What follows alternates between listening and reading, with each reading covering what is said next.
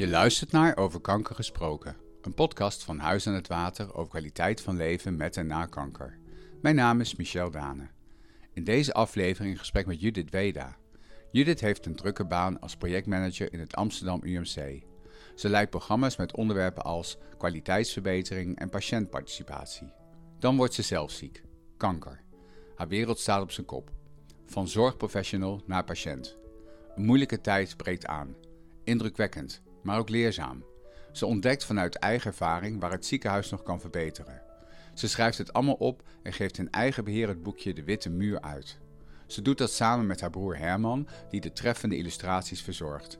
In deze podcast vertelt ze er alles over. Wat is jouw relatie met kanker? Um, ik heb uh, eh, 2,5 jaar geleden zelf de diagnose ge gekregen Hodgkin, lymfeklierkanker. Dus ik ben behandeld. Uh, ik heb chemotherapie gehad en uh, behandeld voor kanker. En inmiddels genezen van kanker. Um, dus, dat fijn. Ja, dat ja. is heel fijn. En hoe weet je dat, dat je genezen bent? Ja, dat is natuurlijk een goede vraag. Ik blijf altijd onder, onder controle.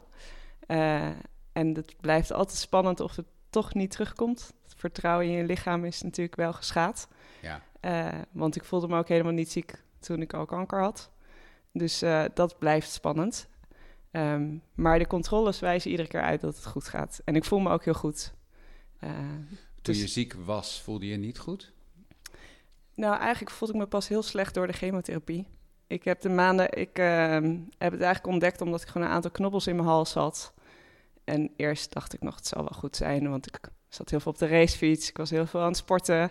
Ik voelde me hartstikke fit. Ik was uh, altijd hartstikke goed op werk. Ik deed heel veel dingen naast elkaar. Dus kon me eigenlijk niet voorstellen dat het iets zou zijn wat niet goed zou zijn. Um, maar ja, die knobbels gingen niet weg. En vrienden zeiden, misschien moet je dat toch eens laten controleren. En toen kwam ik in het traject en bleek uiteindelijk dus dat ik ziek was.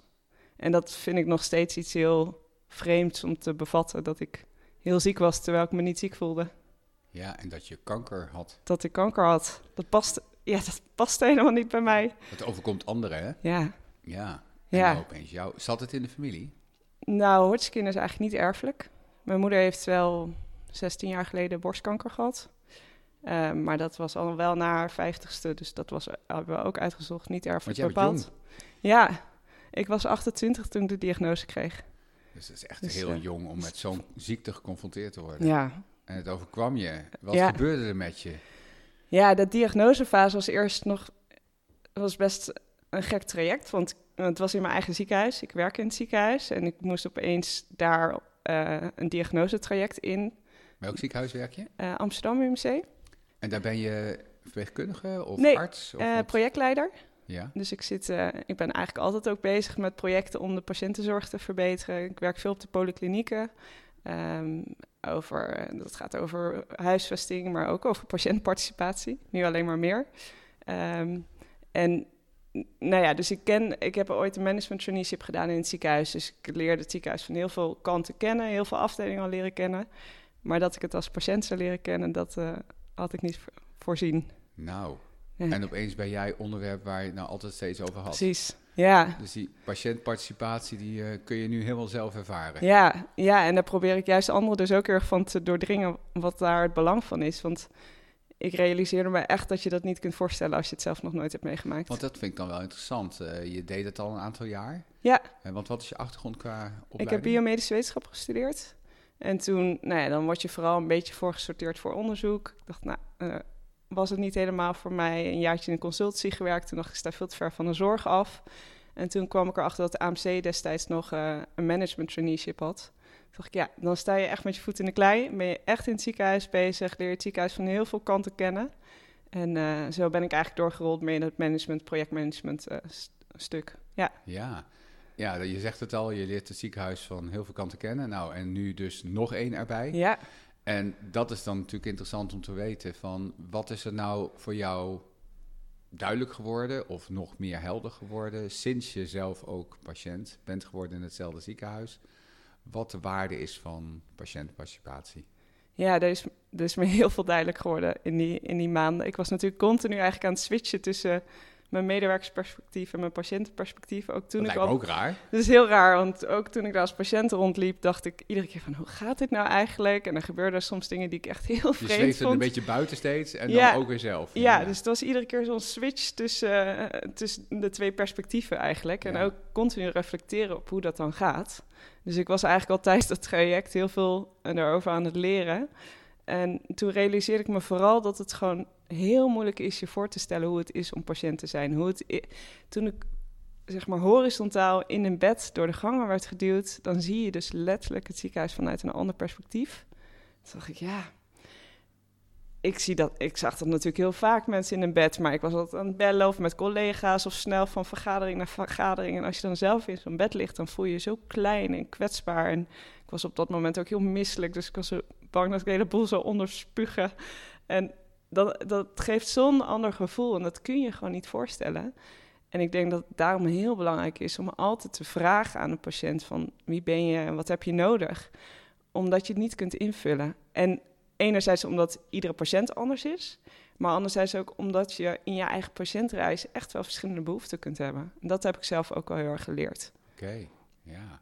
En werk je weer nu in hetzelfde ziekenhuis? Ja, dus in het begin was het ook best wel zoeken van je gaat weer reïntegreren, je moet het weer lang, een beetje langzaam opbouwen.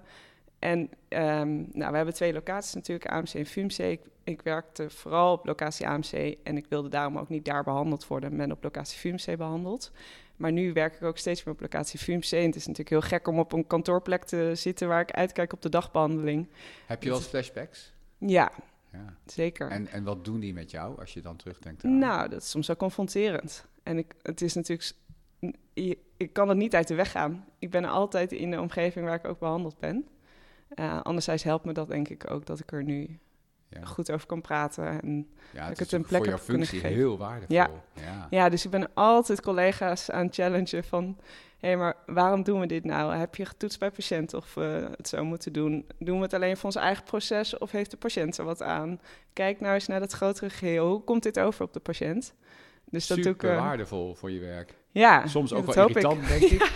Nou, en ik wil ook niet de hele tijd die, die kaart spelen natuurlijk. Maar eh, ik doe het een beetje op mijn eigen Maar je manier. kan het natuurlijk bijna niet uitzetten, want je Nee. hebt het gewoon eenmaal gezien. Ja, je- en je kunt het niet meer niet zit. zien. Ja, ja. Ja. nee, dat snap ik. Nou, en als je dan kijkt naar die tijd dat je daar echt was als patiënt, hoe zou je dat nu terugkijkend voor jezelf omschrijven? nou, wat ik heel bijzonder vond, is dat de zorg die ik heb ervaren, met name van mijn arts, maar ook van de verpleging, echt heel persoonlijk was. Heel erg gericht op wie ik ben, op wat ik nodig had. En dat is heel waardevol. Daar heb ik echt heel veel aan gehad. Behalve dat het gewoon fijn is om persoonlijke connectie met iemand te hebben die empathisch is, die naar je luistert. Dat je ook het gevoel hebt dat ze zorg leveren die voor jou nodig is. En een gevoel van veiligheid. Dus dat, dat vind ik echt super waardevol. En eh, ja, dat zou ik iedereen wensen dat het zo, Ja. zo kan Kende gaan. je deze arts al? Nee, nee, nee, dat was ook goed, denk ik. Ja. Dat we echt een arts-patiëntrelatie konden opbouwen. En anders begin je misschien een beetje scheef. En de verpleegkundigen die daar eh, bij jouw bed stonden, kende Dat je ken ik ook niet. Ook niet? Nee, nee. Ja, dat is wel denk ik voor het proces waar jij in zat belangrijk. Ja, ja dat Ja. ik me ook om mezelf denk ik, om me over te kunnen geven. Want dat was soms natuurlijk wel een strijd. Ik wilde heel graag de eigen regie houden. Maar ik heb ook momenten gehad dat ik zo ziek was van een chemo dat dat helemaal niet kon. Dan moet je het vertrouwen eigenlijk uit de handen geven en de verpleging eh, dat laten doen. Ja. En mijn vriend was gelukkig altijd, zat eigenlijk altijd aan mijn bed en die regelde heel veel. Die was echt heel belangrijk in dit traject. Eh, maar ook, ja, je moet wel vertrouwen kunnen hebben in je arts en de verpleging. Dat heb ik wel heel erg geleerd. Ja. Ja. En dat is je gelukt om Ja, dat te hebben, om nou, dat los te laten eigenlijk. Ik heb het niet heel erg losgelaten. Ik, was er, ik zat wel heel erg op mijn eigen traject. En, eh, maar als het echt nodig was, dan vertrouwde ik ook op hun kennis en kunde. Want ik merkte wel direct dat die er zeker was. En dat Ja. ik echt op de goede plek was voor deze behandeling. Ja. Ja, En wat zo bijzonder is aan jouw verhaal, naast dat je natuurlijk een heel bijzondere rol hebt als professioneel in het ziekenhuis werkend en dan opeens word je patiënt, is ook dat je het hebt opgetekend. Er is een boek eh, dat je gemaakt hebt, onlangs uitgekomen, en ik heb het hier bij me liggen. klopt. Ja. En het heet De Witte Muur. Waarom heet het De Witte Muur? Nou, dit, eh, het idee voor dit on- boek ontstond eigenlijk al tijdens mijn allereerste chemokuur. ehm, ik werd opgenomen omdat ik eigenlijk te ziek werd van de kuur. Dus ik was heel misselijk en ik had al zes dagen niet gegeten. Ik was uitgedroogd, dus ik werd opgenomen op de afdeling hematologie. En ehm, de tweede dag of zo dat ik daar lag, was de grote visite. Nou, dat is een, vaak een bekend fenomeen in ziekenhuizen... dat de professor met de artsassistenten en de co-assistenten... langs alle patiënten op een afdeling gaat. Vaak een vaste ochtend, dan komen ze met een grote groep witte jassen... langs alle patiënten om die patiënten te bespreken. En ik lag in dat bed en het was al, iedereen was in rep en roer. Ik moest op tijd douchen en echt voor mijn gevoel klaar zitten om ze te ontvangen. En, um, maar je wordt niet voorbereid op wat dat dan gaat zijn, of wat dat voor jou betekent, of wat je daar misschien moet bespreken. Maar het zong daar wel rond van. Dat het zong rond van de grootste visite. En jij wist daar wel van dat het bestond? Ik wist daar wel van, ja. Maar, en ik, nou, ik heb ook wel eens meegelopen op een afdeling, dus ik heb die groepen echt wel zien lopen. Maar toen lag ik daar zelf en er stonden opeens, nou, ik denk wel tien witte jassen op mijn bed. Zo voelde het echt, puur witte jassen. En ik voelde me zo klein en kwetsbaar. En het voelde echt alsof ze over mij praten in plaats van met mij. En dat, het voelde ook niet alsof ik er zelf wat aan had. En ehm, dus ik was echt een beetje onder de indruk ervan, maar ook uh, het gevoel van, ja, waarom doen we dit eigenlijk als ik hier zelf als patiënt niks aan heb? En die middag kwam mijn broer op bezoek in het ziekenhuis. En hij, uh, hij is industrieel ontwerper van achtergrond en hij tekent altijd. Hij tekende vroeger al stripboeken, dus dat, uh, dat kan hij gewoon heel goed. En hij had zijn stripboek mee, of zijn schetsboek mee. En ik zei tegen hem van wat er s ochtends was gebeur, gebeurd. En mijn, mijn, vriend en ik noemden het eigenlijk al heel snel de witte muur. Want het voelde echt als een muur die, die, waar ik tegenaan keek. En toen is hij dat gaan tekenen ter plekke in het ziekenhuis. En uh, daar moesten we eigenlijk wel om lachen, want we vonden het een hele mooie verbeelding van hoe het overkwam. Een soort reconstructietekening, zoals je bij de politie Precies, dan ziet. Ja. Hoe zag die eruit, hoe ziet die eruit? Ja, dus hij tekende mij heel klein in een bed, zo met zo'n angstig gezicht, met allemaal mensen in witte jas die een soort van over mij heen staan te was kijken. Was het treffend? Het was heel treffend. Ja. En uh, ik maakte een foto van die tekening en ik heb dat ook naar wat collega's gestuurd, ook een aantal collega's die arts zijn. En die zeiden direct, oh, ja, zo doen we dat. Was het ook een beetje een karikatuurtekening? Uh, nou, nauwelijks eigenlijk. Nee, maar toch het was is het zichtbaar dat jij heel klein en Ja. angstig voelde. Ja, dus ik was echt een beetje klein met een angstig gezicht getekend. En die artsen waren wat groter en wat indrukwekkender over me heen gebogen getekend. En dat was een soort spiegel voor je collega's. Ja, want ik liet het aan collega's zien en zeiden: Ja, zo doen we dat. Ik herken het en ik zie nu hoe het voor jou als patiënt is. Je hebt hen eigenlijk de ogen geopend wat dat Ja. betreft. Gebeurt En- het nog steeds? Ja. Dus dat is niet veranderd. Nee, het is nog niet veranderd. Door COVID is het wel, ze gaan ze vaak in kleinere groepen. En die collega die ik het als eerste liet zien, die eh, vertelde dat ze nu altijd in kleinere groepen gaan, maar ook vaak naast de patiënt gaan zitten en met de patiënt het gesprek met de rest van de groep gaan voeren. Ik denk dat dat een hele mooie winst is.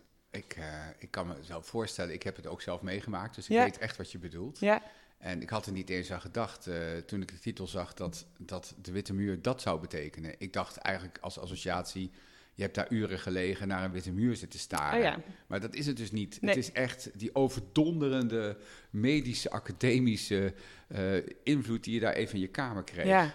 En, en, en over jou, niet met jou. Maar dat Precies. is wel veranderd dus, in ieder geval deels. Deels, ja. En ik hoop met dit boek dat ik gewoon wat meer mensen nog kan laten zien hoe die beleving, die en mee kan nemen in die beleving van de patiënt. En ik denk, eh, dat doe ik in een dagboekvorm, maar dus ook met veel tekeningen, omdat ik denk dat je met beeld mensen misschien nog wel meer kunt raken. En nog meer een idee kunt opwekken van, oh, ja, zo doen we dat. Want die tekening op de voorkant, dat is ook de tekening waar je het Ja. over hebt. Klopt. Ja, die is ook wel echt indrukwekkend. Ik zal even voor de luisteraar beschrijven wat ik zie. Ik zie inderdaad in het donker getekend jou liggen. Ja. In een, in een bed eigenlijk een beetje zo, ja inderdaad, angstend voor, angst- angstig eh, een beetje in jezelf gekeerd. Het is niet eens dat je naar buiten kijkt. En dan heel veel mensen die daar bijna nieuwsgierig en ook wat, ja, hier en daar pijnzend, oordelend zich over jou buigen. Ik zie daar even kijken, negen mensen in totaal. Ja, dat is toch ook heel erg indrukwekkend Ja, als dit je Het overkomt. is heel indrukwekkend. Dit kun je dus ook nog erg goed herinneren. Is het vaker gebeurd? Nee, uiteindelijk is het alleen in die keer dat ik opgenomen eh, lag gebeurd. En ben ik gelukkig daarna niet meer opgenomen, maar altijd op de dagbehandeling eh, behandeld. En daar doen ze dat niet. maar er staan wel heel veel andere voorbeelden in waar we denk ik ook nog veel van kunnen leren met elkaar. Kun je er eens eentje uitpakken, een andere dan deze? Want ik Nou, ben nu dan- een beetje aan het bladeren door het Ja. boek en ik zie inderdaad hele mooie illustraties. En ik zie dat je eh, ja, per dag kort hebt weergegeven wat, ja, wat, wat is er gebeurd? Wat gaat er in me om? Ja. Ik heb het boek net van je gekregen, dus ik heb het nog niet kunnen Nee, lezen. Ik zeg nee. het maar even bij. Maar het is natuurlijk ontzettend, eh, ontzettend mooi dit. Maar kun je eens nog eens een aantal voorbeelden geven uit dit boek? Nou, een andere leuk, eh, wat ik nu wel achteraf heel leuk vind, was tijdens diezelfde opname. Ik lag daar, ik werd op de, de afdeling opgereden en ik had dus echt zes, zeven dagen niet gegeten, alleen maar overgegeven. Ik kon bijna niet eens water binnenhouden. En ik lag op die afdeling en de voedingsassistent kwam binnen en die riep zo echt eh, als een marktkoopvrouw, wat, wil- wat wil je eten? En ik dacht, ik wil helemaal niet eten. Maar ja, ze vroegen het toch een beetje dwingend, dus ik uit beleefdheid vroeg maar, wat heb je? En toen riep ze, broodje kroket. En toen dacht ik, Als ik nou aan iets niet denk nu, is het een broodje kroket? En ik was echt nog half aan het overgeven. Ik ging nog half uit mijn bed. En toen kwam zij met een broodje kroket. En toen dacht ik, en dit sluit dus echt totaal niet aan op mijn behoeften.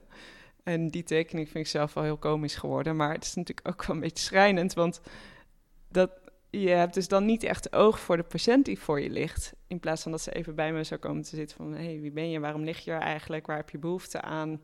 Kan ik je wat laten zien waar je misschien wel zin in hebt? Want het idee was natuurlijk wel dat ik weer wat zou moeten gaan eten voordat ik naar huis kom. Ehm, dus, nou ja, dat is natuurlijk een heel typisch voorbeeld van iemand die ehm, zeker haar werk goed doet, maar niet helemaal aansluit bij de beleving van de patiënt. Ja, nee, want er is geen kwade opzet in het spel. Nee, Ze wil eigenlijk jou niet. iets geven. Misschien is wel het idee, nou, dat is lekker, broodje kroket, dat vinden mensen lekker. Maar Ja. dat was voor jou op dat moment even niet wat je nodig Nee. had. Nee. Wat, ja, je zegt net, ik had eigenlijk li- liever gehad dat ze gewoon bij me even was gekomen en zo. Ja, nou, wat wel goed is, is uh, ze zijn binnen Amsterdam MC nu met een groot project bezig, het Zorg op het Bord. En dat gaat al veel meer over wat vaker, en patiënt, uh, zeker bij oncologie, patiënten wat aanbieden, kleinere porties, meer eiwitten, meer aangesloten op de behoeften. Ik denk dat dat een hele goede ontwikkeling is. Maar ik denk ook dat misschien niet iedereen doorheeft wat voor rol die heeft in de dag van een patiënt. Dus kijk, een arts en een verpleegkundige weten dat wel. Maar ik denk echt dat iedereen die in het ziekenhuis werkt, maakt niet uit welke functie, of dat nou in de lab is, een beleid of de voedingsassistent. Je hebt allemaal een rol richting die patiënt en je kunt allemaal impact hebben op die dag van die patiënt.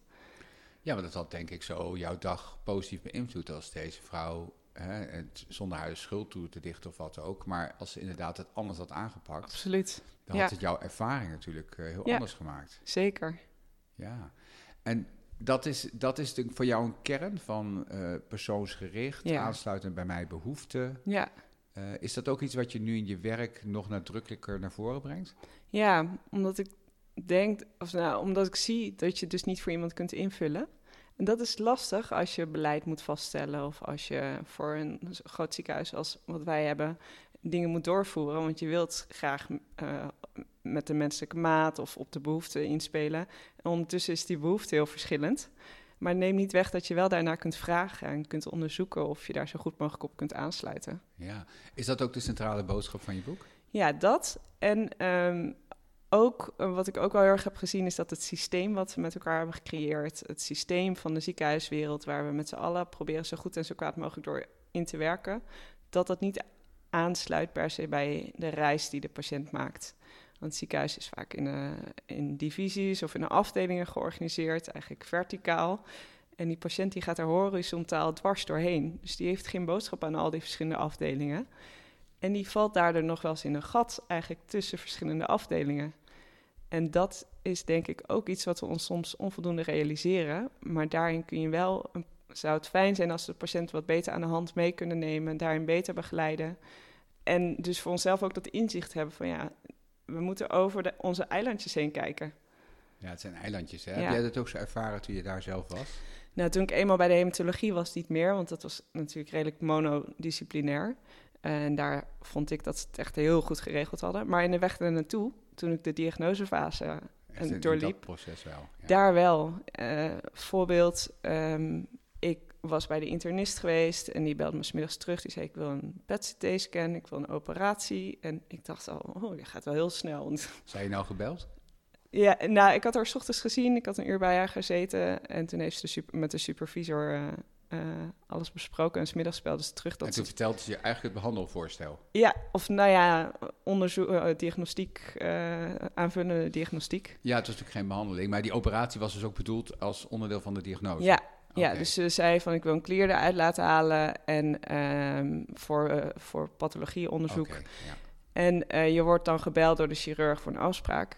en toen werd ik eh, een paar dagen later door de afdeling gebeld. Eh, ja, je mag volgende week naar de chirurg op afdeling zus en zo. En ik dacht, nou prima, ik ga even naar de chirurg. En toen, die week daarna, toen moest ik daarheen. En mijn vriend vroeg nog, moet ik niet mee? Ik zei, nee joh, ik even naar de chirurg, die voelt aan mijn hals. En dus ik ga weer, ik ga weer aan het werk. Maar toen was ik in het ziekenhuis en toen zag ik dat ik, ging ik even op het routebordje kijken.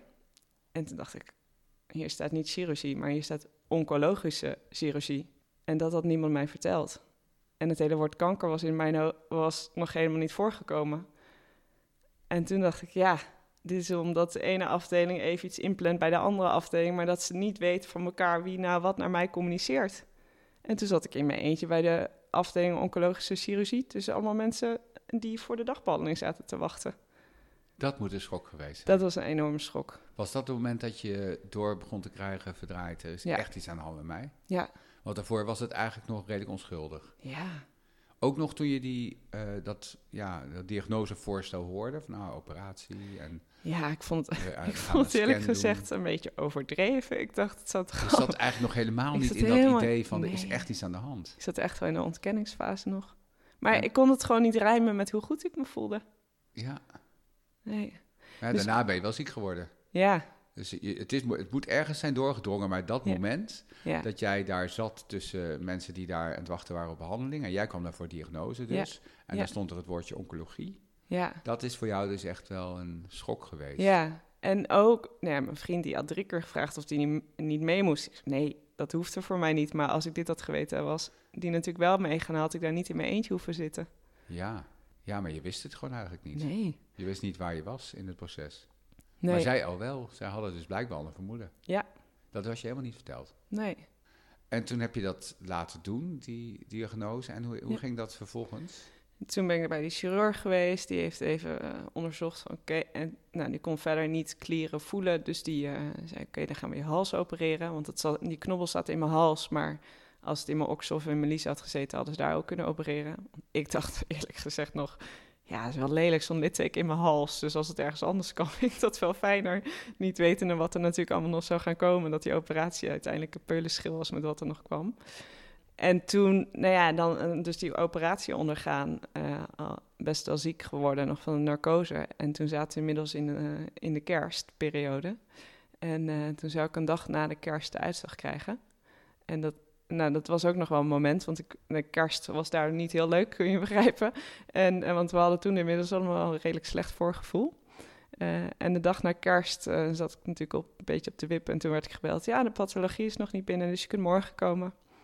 En ook dat is wel weer zoiets dat ik denk, dat realiseren mensen zich niet. Maar dit heeft zoveel impact op een patiënt, want je wordt er zo onzeker van. Je moet nog langer wachten.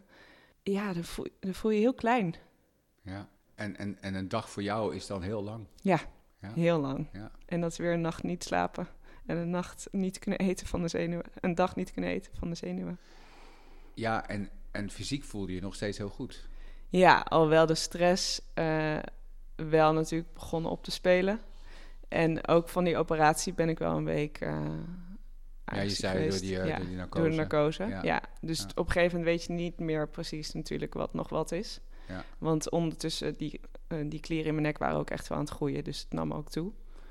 Ehm, ja, Dus aan alle kanten werd duidelijk, er is echt iets aan de hand hier. Ja. Er moet ook echt iets gebeuren. En je Ja. zei net al eh, van nou, dit was nog maar een peulenschilletje Ja. ten opzichte van wat me nog te wachten stond. Ja. Want kun je vertellen wat het proces zelf voor jou zo zwaar heeft gemaakt daarna?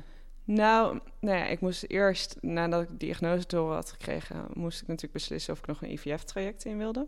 Dat heb je ook op die leeftijd. Als je, als je weet dat je chemotherapie krijgt, dan is de kans op onvruchtbaarheid vrij groot. Dus dat heb ik eerst nog eh, gehad na de diagnose. Daar denk je ook niet over na. Denk je helemaal niet Daar over was na. jij nog niet mee bezig en in één keer wel. Ik, moest, ik moest met mijn vriend beslissen, willen wij al samen embryo's in de vriezer hebben? Dat is natuurlijk bizar. En hoeveel gaat- tijd kreeg je voor dat proces? Nou, ik had zelf...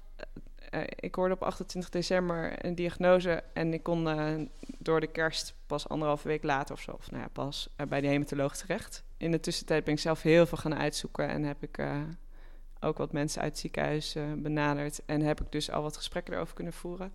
Dus uiteindelijk heb ik dat tot twee weken denk kunnen rekken... om daarover over na te kunnen denken... en te zeggen dat, we dat, zouden, dat ik dat wilde. Dus je besloot dat te doen samen Ja. met je vriend. En Ja. dat betekent dat er nog een extra stuk bij, bij kwam. Dus Ja. dat moest eerst gebeuren, denk Dat ik. moest eerst, dus dan is het ook spannend van heb ik daar genoeg tijd voor of moeten we direct aan de behandeling beginnen. Dat was er gelukkig, die tijd. En dus dat is, ben ik ook heel blij omdat ik die heb genomen. En uiteindelijk was dat eh, in drie weken ook allemaal gedaan.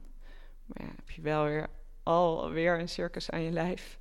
Eh, en het voelde ook als een tussenstap, want ik dacht alleen maar ik moet beginnen aan die behandeling, want ik wil dat die kanker uit mijn lijf gaat Ja, dus dat is heel vreemd. Ja. Ja. terwijl daar zitten allemaal mensen op die afdeling die willen heel graag kinderen en die zitten er met een heel ander idee.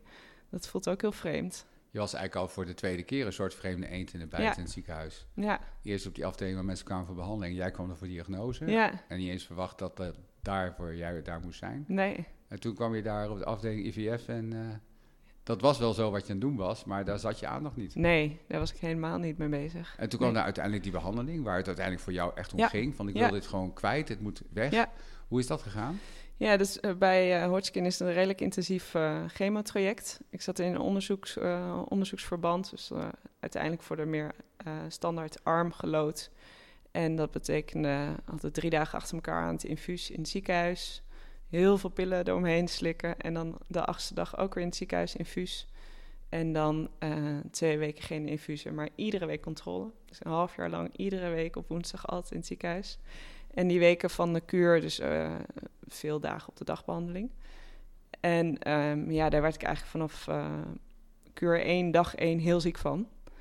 Heel misselijk en heel veel hoofdpijn en totaal echt ziek uitgeput. geworden dus. Echt ziek. Echt heel ziek, ja. Dat, en dat vond ik het bizarre, want een week daarvoor was ik nog in de sportschool lekker een spinninglesje aan het doen. En eh, een week later, eerste kuur, en ik kon eigenlijk helemaal niks meer. Is in één keer afgelopen. Ja, Is het weer teruggekomen, je conditie en je fitheid? Ja, daar heb ik wel hard voor gewerkt. Ehm, tijdens de behandeling dacht ik eerst van vooraf, misschien naïef, en anderen lukt het wel, van, oh, ik blijf gewoon lekker sporten. Maar ik was binnen een week al 10 kilo afgevallen en eh, mijn spieren ook heel snel afgebroken. Dus dat ging eigenlijk niet. Maar ik heb, eh, en ook met infectierisico kon ik niet naar een sportschool. Maar ik heb altijd gewandeld en geprobeerd te fietsen eh, op de betere dagen. En eh, altijd wel even iedere dag naar buiten een beetje in beweging blijven. Dus dat alleen voor je hoofd is dat wel heel fijn. Ehm, en na het traject, na de chemotherapie, ben ik begonnen met oncologische fysiotherapie. En dat eh, vond ik heerlijk, dat het weer kon. En dat je met andere mensen aan het sporten bent die eigenlijk door hetzelfde heen zijn gegaan en ook weer verder willen. En eh, dat was heel leuk, want we vroegen ze aan mij, heb je ook een doel waar je naartoe wil sporten? En toen dacht ik, oh, mag dat alweer? Want ik word meestal juist afgeremd in plaats van dat ik word gestimuleerd om nog meer te doen. Ze zei, ja, over vier maanden is de Stronger Than Ever Challenge. En dat is een sprinttriathlon voor ex-kankerpatiënten. Als je wil, kunnen we daarvoor proberen te trainen. Toen dacht ik, nou, dat wil ik wel. Dus toen ben ik heel hard... Een mooi doel, hè? Heel mooi doel. Het is gewoon heel fijn dat je weer ergens naartoe kunt werken. Ja. En merkt dat je door sport eigenlijk je, jezelf weer opbouwt. Ja. Dat je weer spiermassa krijgt, dat je weer conditie krijgt. Dat je weer wat langer dan eh, twee uurtjes wakker kunt zijn. En het zo gewoon langzaam weer opbouwen. Want zo was het echt op een gegeven moment. Ja, het was iedere dag. Ik kwam de dag niet door zonder vaak even op de bank te liggen slapen. Het heeft je echt gevloerd, hè? Ja. En, en dat totale proces van dat je echt zo stuk zat en ook niet heel veel anders meer kon, kon doen, hoe, hoe lang heeft dat geduurd? Ja, relatief kort. Eh, drie, vier maanden dat ik door de chemo echt helemaal eh, uitgeschakeld was. En toen ben ik het na vier maanden eigenlijk weer gaan opbouwen. Ja. Ja. En wanneer kon je weer werken? Ehm, ik ben, eh, dus de, de diagnose kwam eind december, februari gestart met de behandeling. In mei hoorde ik dat het goed was. En toen ben ik vanaf oktober, eigenlijk het weekend, of eh, de week nadat ik die sprinttriathlon had gedaan, toen ben ik weer langzaam aan het werk gegaan. En nou, eigenlijk heb ik dat relatief snel opgebouwd en nu werk ik ook alweer twee jaar fulltime. Ja. Dat is Goed heel fijn. Ja, goed teruggekomen. En is het dan ook, want je vertelde straks dat je dan ook eh, steeds moest terugkomen voor controles, Ja. elke woensdag. Betekent dat dat je dat ook moest doen terwijl je alweer aan het werk was? Nee, dat wordt, dat wordt natuurlijk snel minder. Eh, dus op een gegeven moment was het iedere zes weken. eh, toen iedere drie maanden. Vanaf nu mag ik naar ieder half jaar. Dus dat is heel fijn, want dat geeft natuurlijk ook weer stress. Om Ja, controlemoment. dat vroeg me ook af. Van, Ja. hey, dan zit je opeens met twee rollen weer. Ja, ja, dus dat is soms nog steeds best gek. Dan ben ik 's ochtends aan het werk en dan met mijn medewerkers passen om. En dan ga ik naar, de prik, naar het priklab en dan wissel ik met mijn patiëntenpas. En dan ben, ik- ga ik door naar de hematologie en dan ben ik opeens patiënt. En dat is wel nog steeds wel eens gek. Het switchen hè, Ja. van rollen. Ja, Wat we hadden eerder over gehad, heel waardevol is dat, het je, hebt mee, dat je dat hebt meegemaakt. Maar het blijft natuurlijk iets heel raars Ja. in je hoofd. ja. het is soms ook moeilijk te rijmen. Ja. Ja, Je zegt het systeem in het boek laat je zien en je laat de noodzaak van persoonlijke behoeftes ja. zien, hè, dat dat verschilt. Ehm, als je dan nu kijkt van waar zou op dit moment voor jou de grootste winst zitten in, in de wereld van oncologie? Ehm, en dan heb ik het eigenlijk over die hele patiëntenreis. Want laten we dat maar als uitgangspunt eh, nemen. Dus dan heb ik het over eigenlijk de eerste vermoedens van kanker of er is iets mis bij de huisarts. Dan dus de diagnose, behandelfase, controles. Teruggaan naar, naar je leven eigenlijk. Waar zit voor jouw idee de meeste winst? Ik denk dat we nog heel veel winst kunnen halen als we vaker vragen aan de patiënt die tegenover je zit: van, wat heb je nodig op dit moment?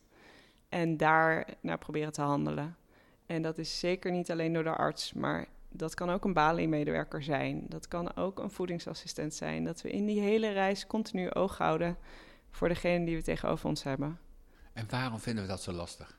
omdat dat natuurlijk niet als een. Dat is niet te vatten in een project of in beleid of een standaard protocol. Want dat is per persoon anders. En ik snap ook, hè, want de administratieve last is heel hoog. eh, de werkdruk is super hoog. Dus ik snap ook echt dat dat lang niet altijd kan. En ook vanuit beleidsoogpunt is soms best ingewikkeld om daar. Hoe doe je het dan voor iedereen goed? Dus ik heb ook niet een pasklaar antwoord daarop. Maar ik denk dat dat menselijke en het oog hebben voor die patiënt, dat dat wel heel prettig is. Ja, dat En snap ik. Ja, Ja. Dit, dit boek is net uitgekomen. Ik denk dat je super trots bent, hè? En ook op je broer, want die Ja. heeft natuurlijk fantastische illustraties eh, Klopt. gemaakt. Wat hoop je dat dit boek doet? Ik hoop dat ik daarmee mensen even een inkijkje kan geven in de wereld van de patiënt. En zich daarmee iets meer te kunnen verplaatsen in de ander. En daarmee dan vervolgens weer terug naar hun werk gaan en denken: oh ja, zo kan dat overkomen. Ja. Er even weer uit je eigen routine halen, even meenemen in de wereld van een ander. Mooie, mooie bedoeling, mooie Ja. boodschap. Mooi. Wat knap dat je dit gewoon voor elkaar hebt gekregen. Dit, oh, die, die, die man in het groen, dat is je broer. dat is mijn dus, broer, eh, ja, klopt. Wat leuk. Ja, het is, het is een heel leuk project geweest. Want we hebben ook besloten, we gaan het gewoon zelf uitgeven. We gaan het echt helemaal zelf doen. Dus het zijn weer allemaal nieuwe dingen die je leert over boeken, de boekenwereld en vormgeven en alles wat daarbij komt kijken. Maar het is een heel leuk project, om, vooral om het samen te doen. En ik hoop dat er, eh, dat er mooie dingen uit voortkomen. Ja, nou dat hoop ik ook voor je. Ik zal het eh, allemaal vermelden onder deze podcast. eh, hoe het boek heet en eh, ook hoe je het kunt bestellen. Dus dat is hartstikke mooi. Tot slot, als je nou terugkijkt op deze 2,5 jaar, wat, wat is voor jou het overwegende gevoel dat je erbij hebt? Gek genoeg is dat heel positief. Ik heb er... natuurlijk, die ziekte was zwaar en dat was, eh, was een pittige tijd. Maar eh, de intensieve vriendschappen die echt opbloeiden in die tijd... het contact met familie, met de mensen om je heen... dat is zo mooi, dat is zo waardevol. En ook door daarna echt daarbij stil te staan van... wat is me nou eigenlijk overkomen... kun je denk ik wel echt groeien als mens.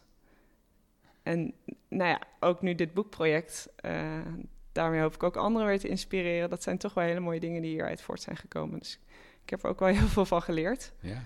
Eh, en Zowel professioneel als privé Ja. eigenlijk. absoluut.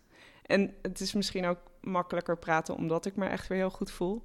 Ehm, maar ja, Dat zeker was, positief. Dat was eh, niet zomaar. Hè? Je moet toch echt wel even ergens door een dal heen Ja, eh, ja, om, om absoluut. te komen waar je, Ja. nu, waar je nu staat. Zeker. Wat ontzettend inspirerend en mooi hoe je dit ook gebruikt hebt om iets heel bijzonders eigenlijk ja, te maken samen met je broer. Dankjewel. Lijkt me ook bijzonder als proces om dat ja. inderdaad samen te doen. En het is een heel mooi proces.